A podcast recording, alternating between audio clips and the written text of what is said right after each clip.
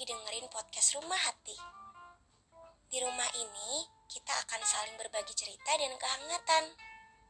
Jadi, jangan sungkan-sungkan ya untuk mampir.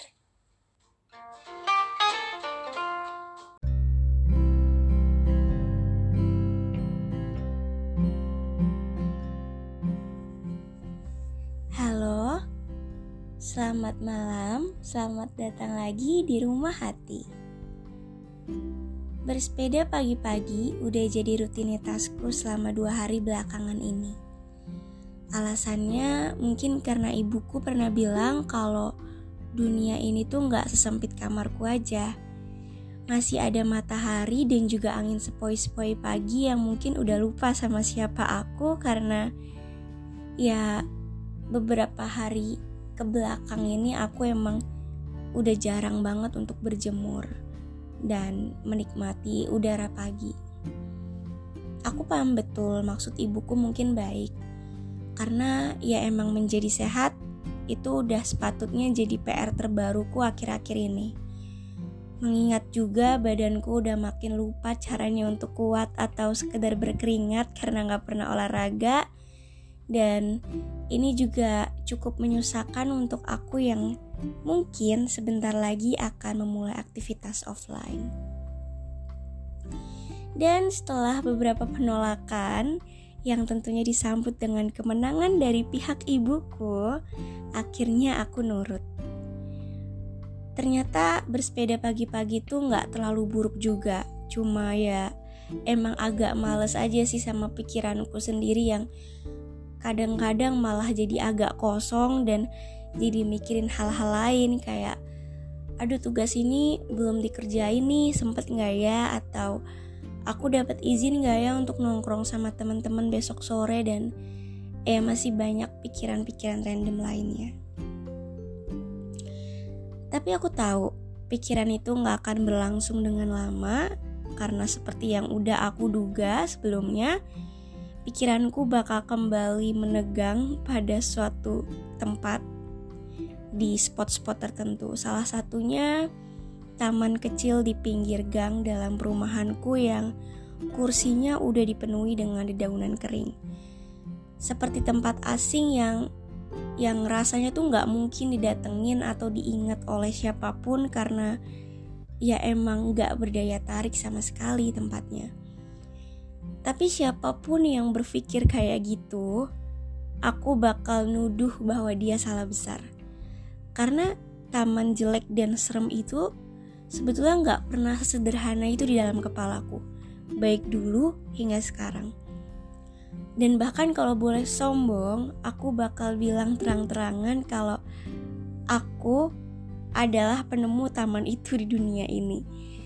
Aku ingat betul waktu itu tuh sejarahnya ceritanya gitu aku lagi main sepeda sama teman kecilku ya mungkin bisa dibilang pada jam yang sama kayak aku main sepeda di tahun ini gitu. Tapi bedanya ini di masa yang berbeda aja kemungkinan 12 tahun yang eh waktu aku umur 12 tahun mungkin sekitar 7 tahun yang lalu. Dan waktu itu aku nggak sendiri yang tadi aku bilang sama sahabat kecil aku. Dan ceritanya kita tuh waktu itu lagi sama-sama capek kelelahan gitu. Karena kami kebetulan lupa untuk bawa botol minum padahal lagi main sepeda. Dan akhirnya tepat di saat yang bersamaan kita akhirnya memutuskan untuk ayo deh kita cari tempat istirahat aja gitu. Dan tiba-tiba taman itu tuh kayak muncul gitu aja di sebelah kita dan dengan imajinasi anak 12 tahun yang yang masih polos gitu kita akhirnya berpikir kalau wow ini taman ajaib karena kita nganggep itu magic dan muncul tiba-tiba gitu di depan mata kita. Itu sih yang ya biasalah pikiran anak kecil yang penuh imajinasi dan random ya. Dan ditambah lagi tuh waktu itu aku ingat betul suasananya lagi banyak banget asap karena emang tetangga depan taman itu tuh lagi melakukan perbuatan yang tidak terpuji ya as you know bakar sampah.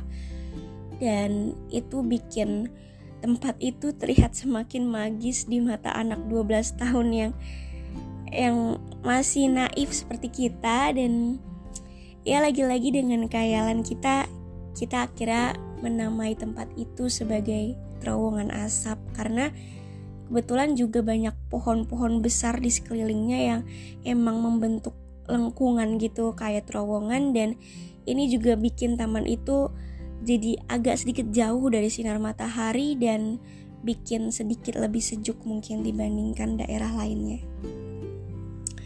Dan setelah itu ini yang kami lakukan. Sambil duduk di bawah terowongan asap itu kita banyak berbincang tentang banyak banget hal. Ya mungkin salah satunya tentang mimpi. Ya yang pastinya bukan mimpi-mimpi besar seperti yang anak-anak dewasa sekarang bicarakan, orang-orang dewasa sekarang bicarakan, tapi paling hanya sekedar planning-planning kecil seperti apa yang akan kita lakukan setelah ini.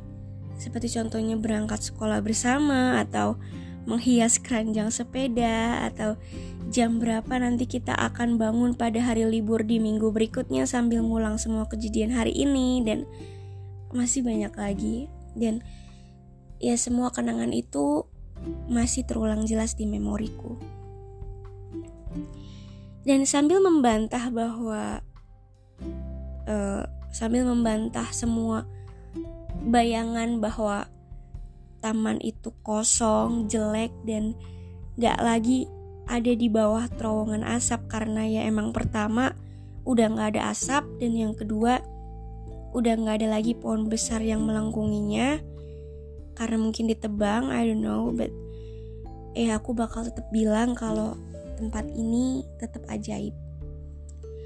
Dan kenyataan bahwa aku ternyata akhirnya datang lagi ke sini selama tujuh tahun setelahnya dan tentunya tanpa bersama sahabat masa kecilku emang bisa dibilang nggak membahagiakan.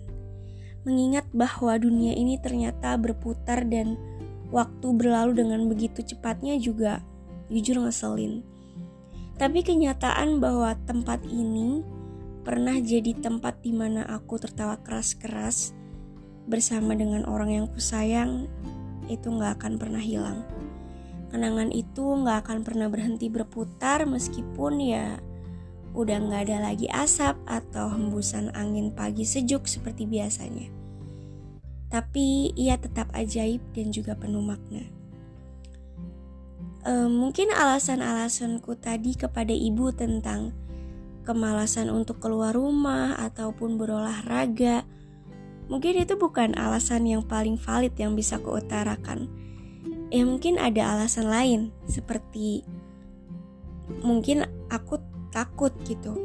Takut aja karena uh, sadar bahwa aku tuh ternyata udah terlalu lama terkurung dan juga tertinggal oleh waktu yang sebenarnya terus-menerus berlari mengejar hal yang gak pernah ada habisnya.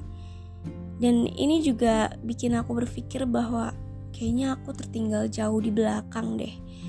Dan akhirnya aku mulai mempertanyakan hal-hal seperti di mana sih hal-hal yang dulu pernah ada? Atau ke mana sih aku harus dapetin semuanya lagi? Atau kalau emang semuanya harus hilang terus aku harus lebih baik berlari atau ninggalin semuanya juga? Atau mungkin ada pertanyaan akhir seperti ya terus kalau kita sama-sama berlari dan melewatkan semua hal yang pernah terjadi baik waktu maupun takdir. Terus apa dong artinya semua yang kita lalui ini kalau pada akhirnya semuanya juga bakal kita tinggalin juga? Ya banyak sih pertanyaan-pertanyaan aneh di kepalaku yang bikin aku makin hmm, makin sedih jujur pas naik sepeda hari ini dan tapi aku tetap sadar kalau pertanyaan-pertanyaan itu nggak akan bisa membawa aku pada sebuah jawaban murni dan mungkin ini bisa jadi koreksi diriku juga bahwa aku harus membuka mata dan sadar kalau mungkin banyak hal-hal baru yang nggak semanis masa lalu. Dan kesedihan itu bukanlah hal yang patut diperjuangkan. Mungkin aku cuma butuh waktu untuk lebih dewasa dan menyadari bahwa ya emang gak semua cerita akan terasa ajaib untuk selamanya.